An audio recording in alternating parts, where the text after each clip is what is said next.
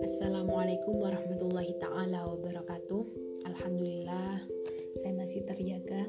Ini jam 02.24. Saya habis ngerampungin bukunya Mbak Wirda untuk kedua kalinya yang Remember Me and I Will Remember You.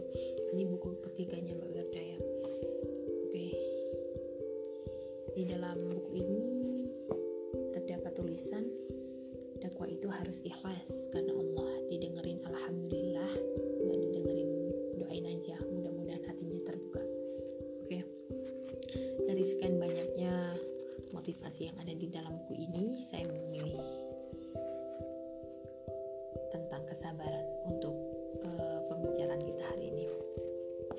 Sabar. Sabar itu berasal dari bahasa Arab ya. Uh, sobaru yasbiru dari sesuatu yang tidak kita senangi, menahan sesuatu dari hal yang kita benci ataupun uh, macam-macam uh, lika-liku hidup ya yang kita jalani seperti itu. Nah, kita ambil contoh nih, misalnya kita habis uh, ngelakuin satu kesalahan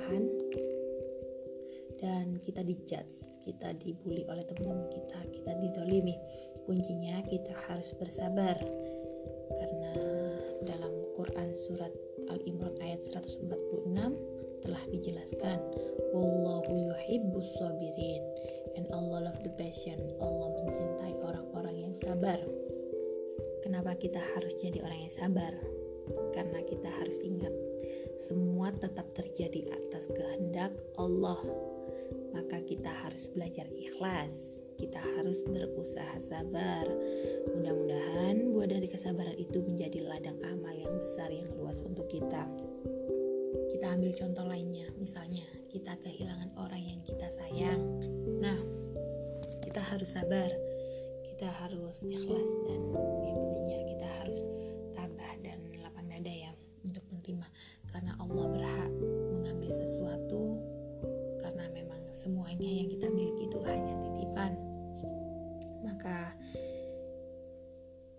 kita harus sabar. Insya Allah insya Allah pasti Allah akan ganti.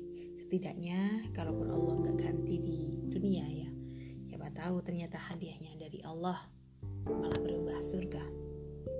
Kita harus mencontoh sifat Rasulullah Shallallahu Alaihi Wasallam yang semakin dihina semakin diangkat derajatnya, semakin dicaci, semakin mendunia namanya, semakin ditolak, semakin diterima ajarannya, dan semakin banyak musuhnya, jauh lebih banyak yang mencintainya.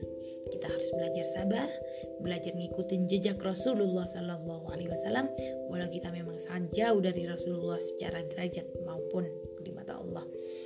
Kita doa bidoa aja. Semoga kita mendapatkan ridho dari Allah mendapatkan syafaat dari Rasulullah. Maka dari itu kita harus menjadi orang yang